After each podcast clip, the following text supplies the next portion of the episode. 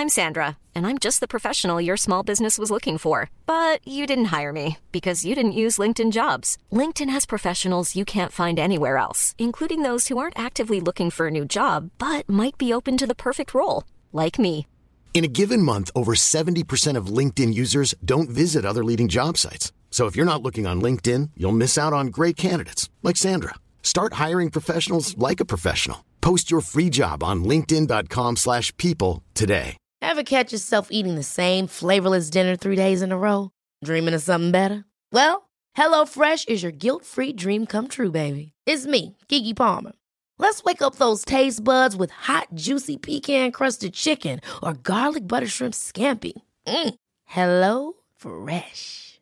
Stop dreaming of all the delicious possibilities and dig in at HelloFresh.com. Let's get this dinner party started.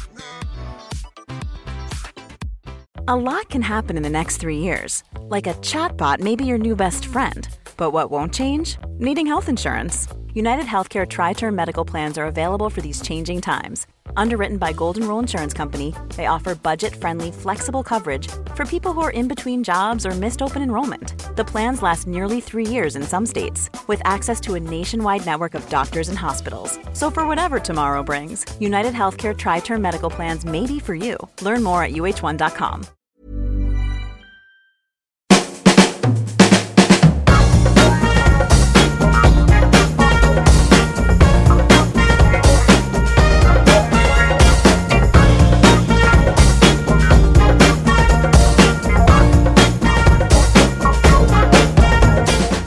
Välkomna till Health for Wealth, en podd om hälsa på arbetsplatsen. Det här är vår andra säsong och det här är avsnitt 16. Jag heter Ann-Sofie Forsmark. Jag är hälsostrateg, civilekonom och hälsocoach. Jag heter Boel Stier och är kommunikatör och copywriter. I förra avsnittet pratade vi om ledarskap under förändringsarbete med Pernilla Gravenfors. Ja, och eh, om det jag också ofta pratar om, att ha ett starkt varför som ledstjärna i både ledarskapet men även inom hälsoarbetet.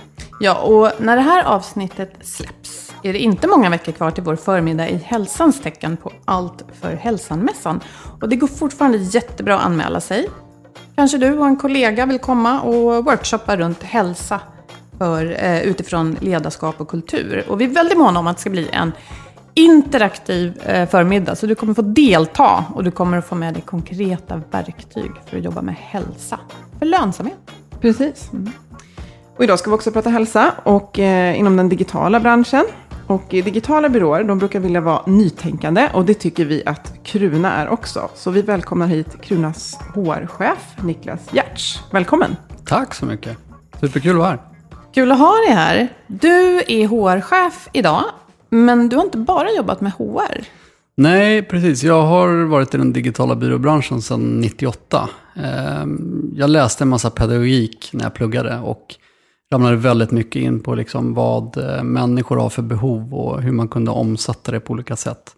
Vilket ledde mig in i den digitala byråbranschen. Där jag jobbat som UX-designer från början. Så att jag har jobbat mycket med att skapa bra användarupplevelser eh, för människor med hjälp av digitala tjänster av olika sorter. Då.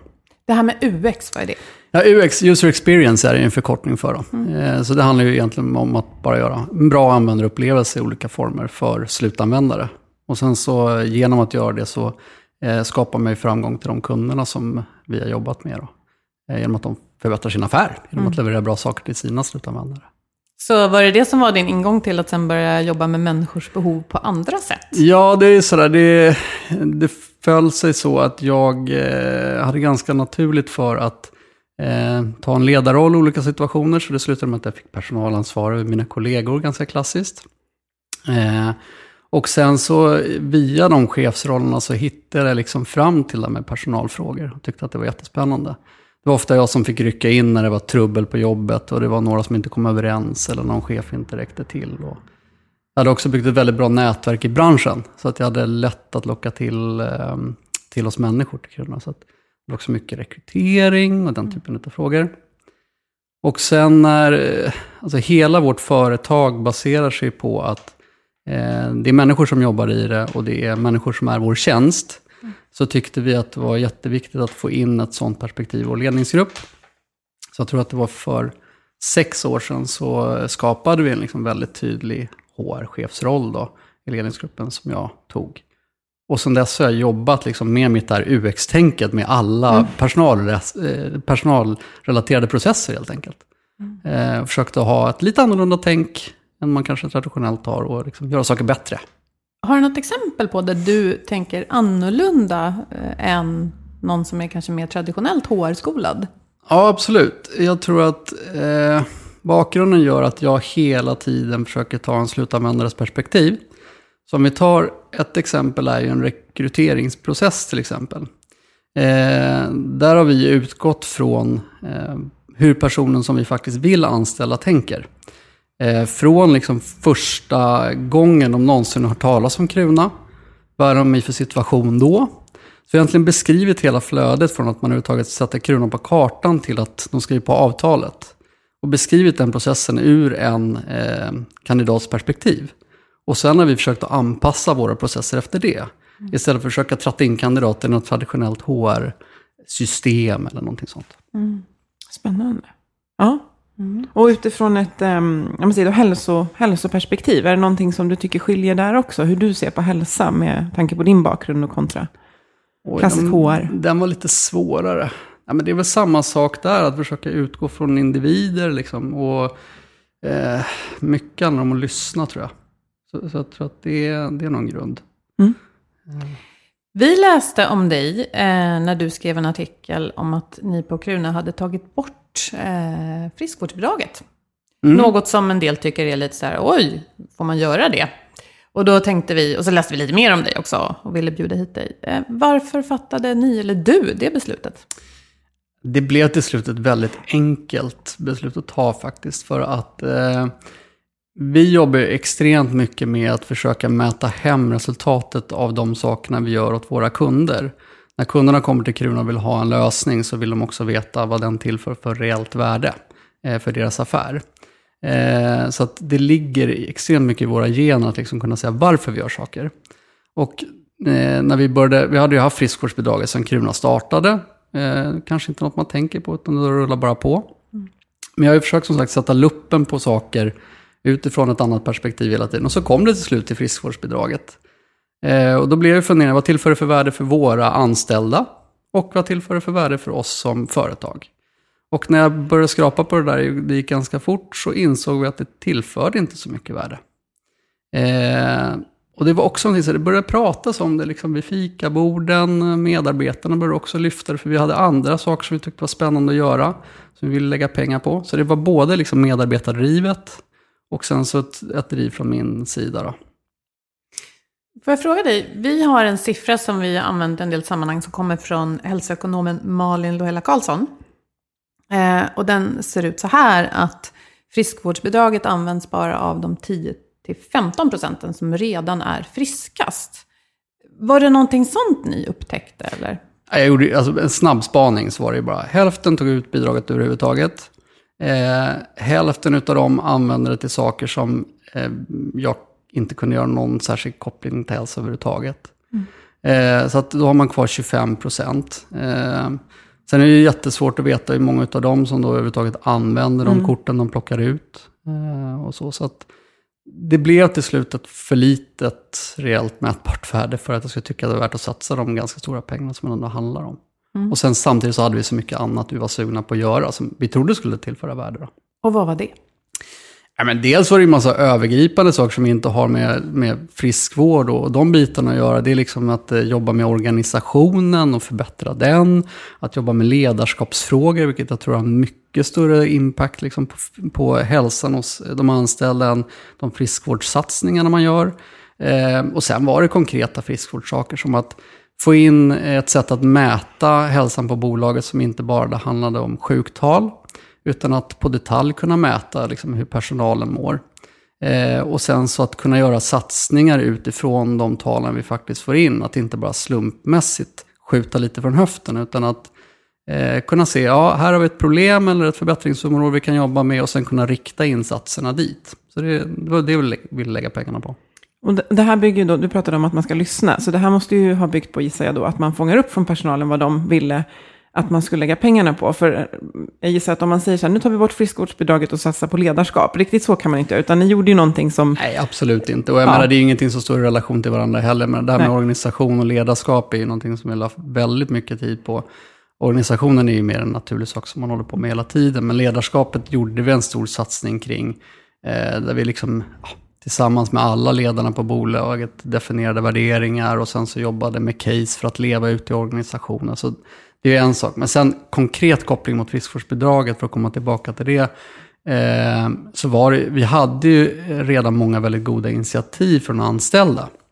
Som, eh, de gjorde olika saker. De gillade till exempel att träna på jobbet. Eh, det var många som intresserade sig för liksom, vad vi åt till exempel och sådana mm. saker. Så det handlade egentligen bara om att ta tillvara på det. Så vi har boostat effekten av liksom, vad folk har velat göra. Hur gör man på Kruna när man tränar på jobbet? Ja, när man tränar på jobbet. Vi eh, helt enkelt, jag ska säga då först att det resultatet vi fick av undersökningen då för att visa på det här med värde.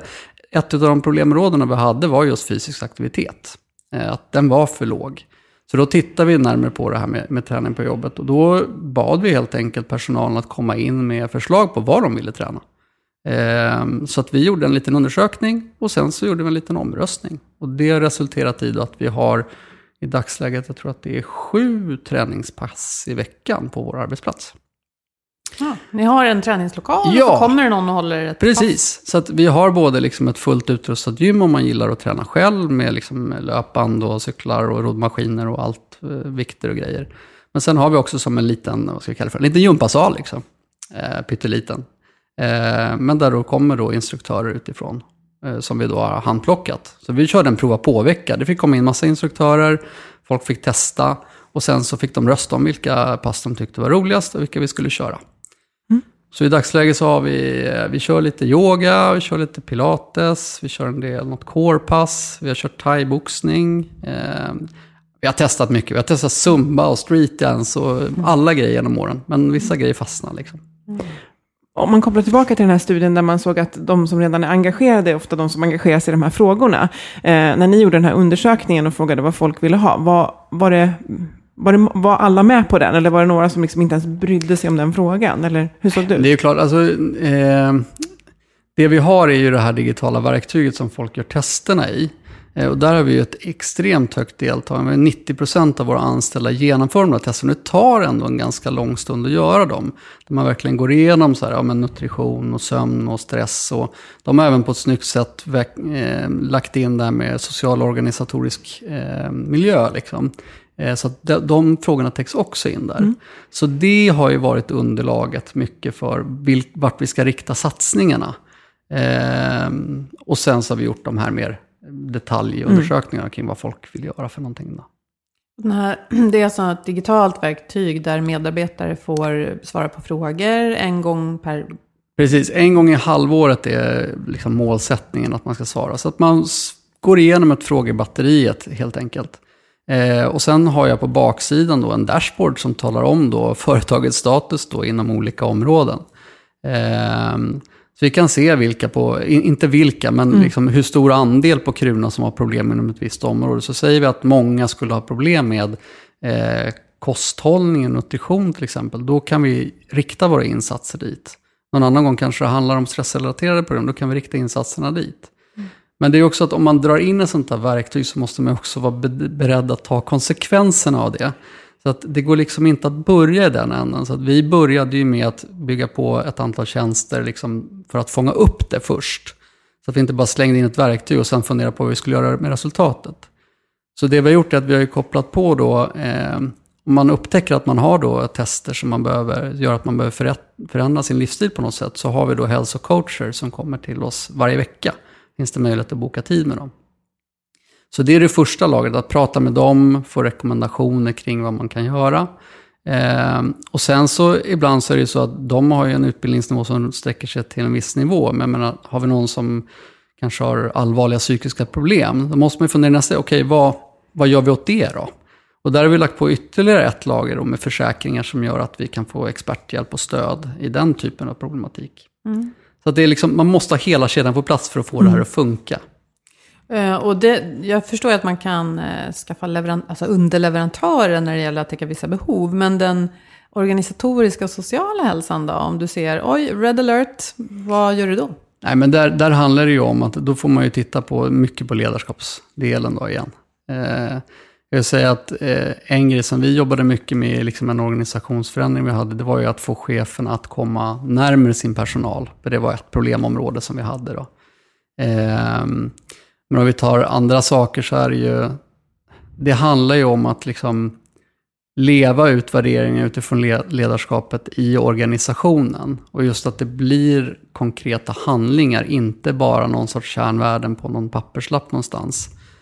Hur eh, får du med dig de andra cheferna där? Ja, vi har jobbat mycket med case. Alltså just där, vi, vi, jobbade, vi har jobbat liksom trattat oss ner. Vi, vi började diskutera på en ganska övergripande nivå både vad det var för beteenden i organisationen som vi ville uppmuntra och liksom vilka egenskaper hos personalen vi ville vi skulle ta tillvara på och vad vi behövde få till förändringar. Och sen så har vi liksom trattat hela vägen ner till att jobba med konkreta case och det är först där som det ställs på sin spets. Liksom. Att när vi samlas eh, ett gäng ledare och verkligen säger, frågar oss, okej, okay, vi har den här konkreta situationen framför oss, hur agerar vi? Och får diskutera det verkligen på en detaljerad, detaljerad mm. nivå. Det är först då man verkligen märker om man är överens eller inte. Mm. Man kan ju säga att vi ska vara transparenta och alla bara ja, mm. det är klart vi ska vara transparenta. Men vad betyder det egentligen? Mm. Okej, okay, här har vi ett jättetufft beslut som vi har tagit. Liksom. Kan vi kommunicera det rakt ut då? Eller vi måste göra nedskärningar i personalen här. Mm. Ska vi köra det bara transparent rakt ut? Eller hur ska vi hantera det? det? Man måste prata om det konkret tror jag. Och de case ni har tagit upp då, är det som du nämnde här, ett beslut som ännu inte har kommunicerats ut och att ni enas om hur ni gör det? Eller är det sånt som redan har hänt, som gick snett? Det kunde vara både och. Ah, okay. var, alla fick komma in med förslag på grejer. Både sånt som vi kände så här, här är vi inte överens. Det blir jättebra, folk skickar in så man känner det här, sånt som vi, så här, det här är sånt som vi går och gnager, alla kanske inte tycker mm. lika. Men att någonstans måste man ju enas om vad man har för liksom gemensam värdegrund. Men det vi också gjorde var att vi tittade på vad man liksom kanske hade som låg lite utanför. För man, man är ju personer utan, utanför här också. Kruna har sin del. Så, så, att man inte hamnar i den här att man liksom måste tumma på sin egen integritet. För blir det sådana stora skillnader så får man andra problem. Just det, att både titta på de individuella värderingarna så att man vet hur de andra tänker, var de kommer ifrån och vart de vill. Och sen säga, men det här är vår gemensamma kärna som vi alla kan komma överens om. Liksom. Det, det var jätteviktigt att sätta. Ni är ju 350 eh, ungefär. Ja, i Norden är vi 350. I, I eh, Sverige är vi 160 på Kruna ungefär. Hur många chefer pratar vi om i det här som du har pratat om nu, de här casen? Eh, jag skulle gissa att vi är, måste jag tänka efter, 12 personer kanske med personalansvar i Stockholm och Göteborg. Och är det i de grupperna man har jobbat eller har man jobbat liksom kors, kors och tvärs geografiskt så med de här frågorna? Vi, vi, har jobbat mest i, Sverige, men vi är precis inne i ett skede nu där vi håller på att konsolidera oss även på koncernnivå, så det är jättespännande. Och precis börjat ta diskussioner med eh, representanter från styrelsen, just det här med eh, hur ser ni på ledarskap? För att mm. måste liksom, hela vägen måste det genomsyra. Så att, eh, det är en spännande process som vi ser framför oss nu. Mm. Ska jag säga. Du nämnde eh, integritet. Mm. Och um, ofta när man diskuterar eh, satsningar som har att göra med individens fysiska hälsa eller mentala hälsa, men just individens egna hälsa, så är det ju en fråga om när blir det ett integritetsövertramp? Att arbetsgivaren eh, efterfrågar den här informationen. Och samtidigt vill vi ha arbetsgivare som bryr sig om medarbetarna. Hur ser du på det där dilemmat? Jag håller med, det är en, det är en jättesvår fråga. Eh, vi har ju sagt att det är frivilligt att vara med i de här sakerna, men samtidigt har vi sagt också att vi kräver att om man vill ta del av allt det fina som finns i det här paketet så får man göra testerna. Det är helt okej okay att inte göra det också. Ehm, jag tycker det är en svår fråga. Samtidigt som jag också kan se att eh, ur ett samhällsperspektiv så är det svårt att se några andra ställen än på arbetsplatsen där vi har större möjligheter att påverka liksom, hälsan ur ett större perspektiv. Så att jag är ändå lite liksom tuff på det, så jag tror att vi kan göra så jäkla mycket eh, att, ur ett samhällsperspektiv. Så att mm. det vore synd att liksom inte ta det företagsperspektivet och ändå sätta lite krav på företagen. Hur märks det på Kruna då, den som väljer att stå utanför det här? Mm. Um, Märks det bland medarbetarna? Nej, det är ingenting som jag har lagt märke till. För generellt sett så är det väldigt positivt kring det här. Jag har haft väldigt få case. Liksom. Vi har ju några som kanske har som princip att liksom aldrig lägga in saker i ett mm. system överhuvudtaget. Liksom. Det finns den typen av människor i vår bransch som man har den typen av synsätt. Och då är det med att alla vet det. Liksom. Mm. Eh, och det är mm. helt okej. Okay. Mm. Eh, men som sagt, 90% gjorde ändå testerna, så det är 10 kvar. Ehm, så att, ehm, och de här ja. träningssatsningarna, hur, många, hur stor andel av medarbetarna är med på det där? Ungefär hälften skulle jag gissa. Jag har ingen exakt siffra, jag har inte fått ut det än. Men... Jag kan tänka om man, om man är en person som Eh, ja, men så jag har ju använt mitt friskvårdsbidrag till att gå och göra det här någon annanstans och, och har varit jättenöjd med den då subventionen som det innebär. Eh, och, och, och, jag mår jättebra och tycker jag levererar bra på jobbet och så bara försvann friskvårdsbidraget och nu ska jag, vadå, ska jag gå på de här passen på jobbet? Nej men det vill jag inte. Har, har ni mött på något sånt? Ja, något enstaka fall, men det är inte många. De flesta har väldigt liksom, stor förståelse för att just det här med, eftersom det finns den här inbyggda tanken just kring att skapa värde hos oss. Alla tänker på att skapa värde hela dagarna till mm. våra kunder och till slutanvändare. Mm. Liksom. Så det finns väldigt mycket liksom, i ryggraden kring att man vill göra det. Så att det är få som argumenterar mot det, trots att man kanske själv lider av det rent mm. praktiskt. Att fan, jag blev av med 3000 spänn per år här. Men samtidigt så är det, inte, det är ingen jättegrej liksom, att kunna kompensera det på andra sätt då, om det skulle vara så att man vill mm. köpa ett kort någonstans. Men för det jag hör, det är ju just att ni har gjort det här gedigna jobbet eh, med vi-känslan och det här värdeskapande och det här varför på plats. Men, men eh, jag tänker att på ett företag där man kanske säger, vi ska också göra så. Eh, nu tar vi bort det här och lägger till det här. Alltså det, vad, vad, säger du om det? Det går inte riktigt att bara, man måste göra jobbet före, som ja, ni redan har på plats. Precis. Eh, och sen så, det handlar extremt mycket om att få buy-in från personalen. Liksom. Det, där är det ju bra, är man en lyssnande organisation, har man liksom diskussioner, plockar man upp bra initiativ från personalen, att få sånt på plats. Liksom det, det känns som att det, det är nyckeln på något sätt. Det går inte att komma liksom ovanifrån och bara slå det här i huvudet på folk, för då, det funkar aldrig hos oss i alla fall. Så att näst, nästan allt som händer hos oss är initiativ som kommer från någon medarbetare. Mm. Som vi bara boostar liksom och gör, gör någonting mer positivt av. Och det stämmer överens med mycket andra saker som, man, eh, saker som bara kommer pang bom i huvudet på folk brukar inte heller få bra, liksom bra, eh, bra genomslag. Så då kan vi liksom ett ganska konkret exempel kan vara det här med friskvårdsbidraget. Men det, det gäller ju ja, vilka förändringar som helst egentligen. Mm. Nej, jag tänker också det här att vad är hälsa egentligen? vi konstaterade när vi hade gjort vår första intervju, vårt första avsnitt överhuvudtaget, att vi hade en gäst som eh, pratade väldigt mycket om hur han lyckades få hälsa i sitt företag, men rubricerade det aldrig som hälsa, utan ledarskap, organisationskultur och så vidare. Mm. Och det är väl lite där vi landar, om jag nu tolkar dig, att det är det man måste börja med. Absolut.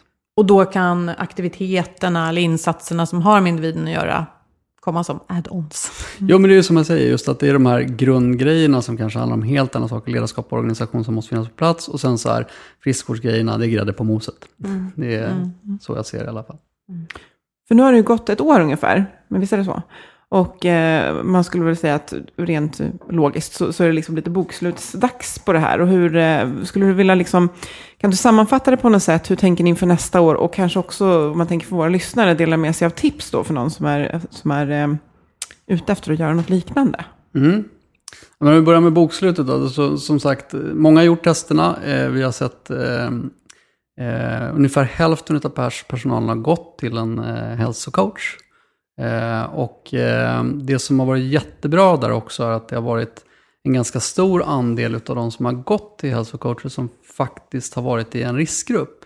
Där det kan uppstå problem på riktigt eh, om man inte gör någonting i tid. Inom vilket område? Det kan vara vilket område som helst. Det kan vara, det skulle kunna vara ehm, ja, stressrelaterade grejer eller det kan vara sömn. Eller, det är så att verktyget fungerar så att om, det är, om man får dåliga värden någonstans så blir det liksom en röd flagg. Så det, där finns det uppdefinierade riskgrupper och där eh, man måste på någon, något sätt agera. Så det tycker jag, tycker jag varit en av de absolut största poängerna, att, eh, att fånga upp dem. För ofta så handlar ju de här friskvårdssatsningarna om, det blir ofta redan frälsta och liksom hela den grejen. Men här har vi verkligen kunnat fånga upp personer som annars kanske inte hade gått att nå överhuvudtaget. Mm. Så det är den största. Sen har jag inte liksom, vi har inte ännu gjort om testerna, så jag kan inte säga, sitta här och, idag och säga att vår hälsa har blivit mycket bättre. Men jag skulle bli väldigt förvånad om det inte hade blivit Mm. bättre. Sen hade vi ganska bra hälsa från början, ska jag säga också. Vi är ju ändå ett hyfsat ungt företag. Inte så ungt som många tror. Vi är 36 i vår medelålder. Att det, men en del tror att det är 22. Liksom. Ehm, så vi var ganska friska från början. Men jag, jag är helt säker på att vi kommer att få en, en del förbättringar. Mm. Sen vad hade du mer då? Ja, men det var lite så här att dela med sig tips då om någon nu går igång på det här och, och vill göra någonting liknande. Vad, Ja. vad ska man verkligen tänka på då? Som företag? Mm. Men jag tror att man kanske ska börja, man, man kanske inte ska börja med det här med att rycka undan friskvårdsbidraget det första man gör. Då, utan man kanske börjar med att ta fram några smarta, roliga grejer vid sidan av. Så att man ser att det finns alternativ. Eh, och gärna då liksom lyssna på personalen, fånga upp goda initiativ och boosta dem. Liksom. Att eh, man får nog vara beredd på att göra en liten liksom, extra satsning kanske för att kunna göra en övergång. Mm. Eh, sen vad kan man tänka sig mer? Lyssna på personalen.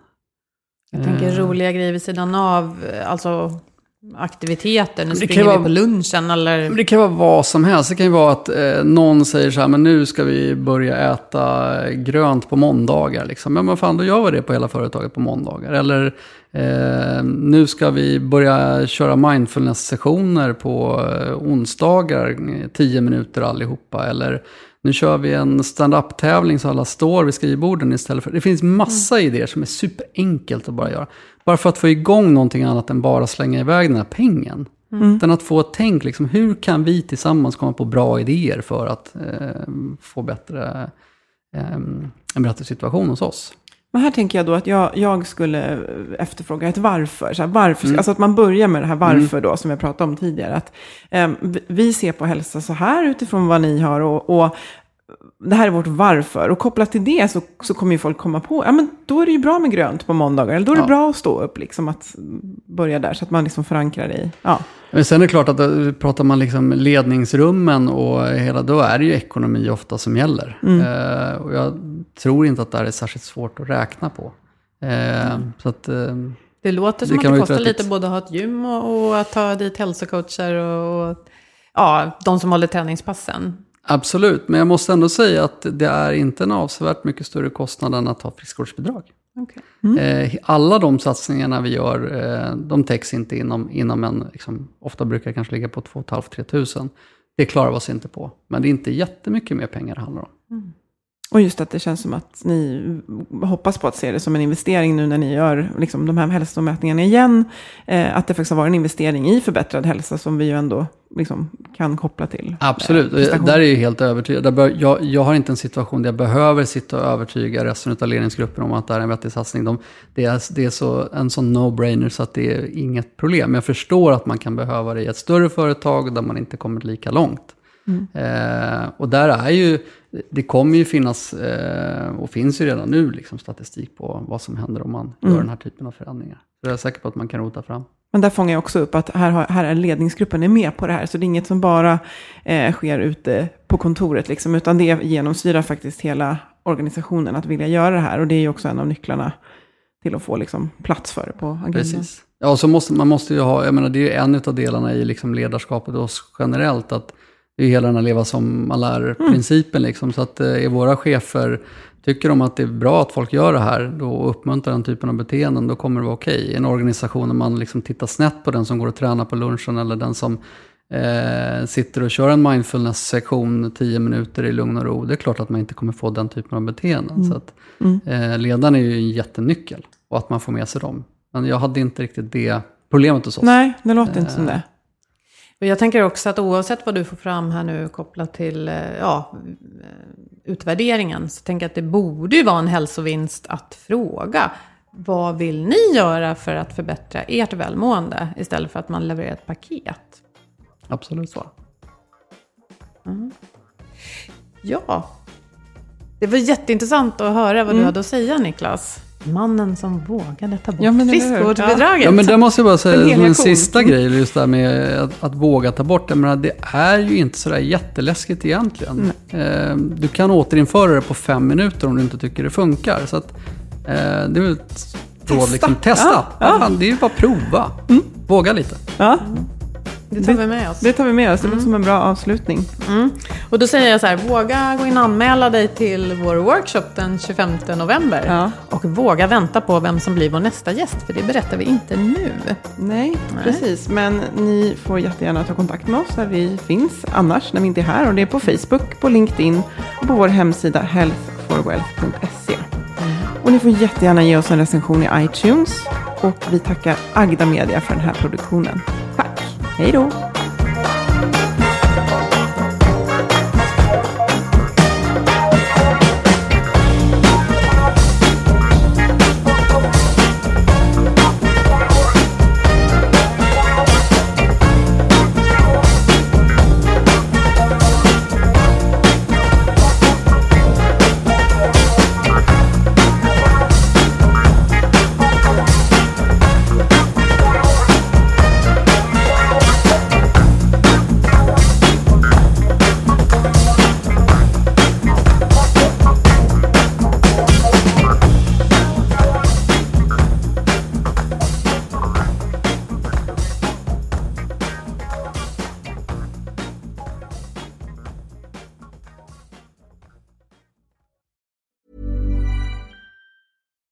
Deserves the best, and there's no better place to shop for Mother's Day than Whole Foods Market. They're your destination for unbeatable savings, from premium gifts to show-stopping flowers and irresistible desserts. Start by saving 33% with Prime on all body care and candles. Then get a 15-stem bunch of tulips for just $9.99 each with Prime. Round out Mom's menu with festive rosé, irresistible berry chantilly cake, and more special treats. Come celebrate Mother's Day at Whole Foods Market.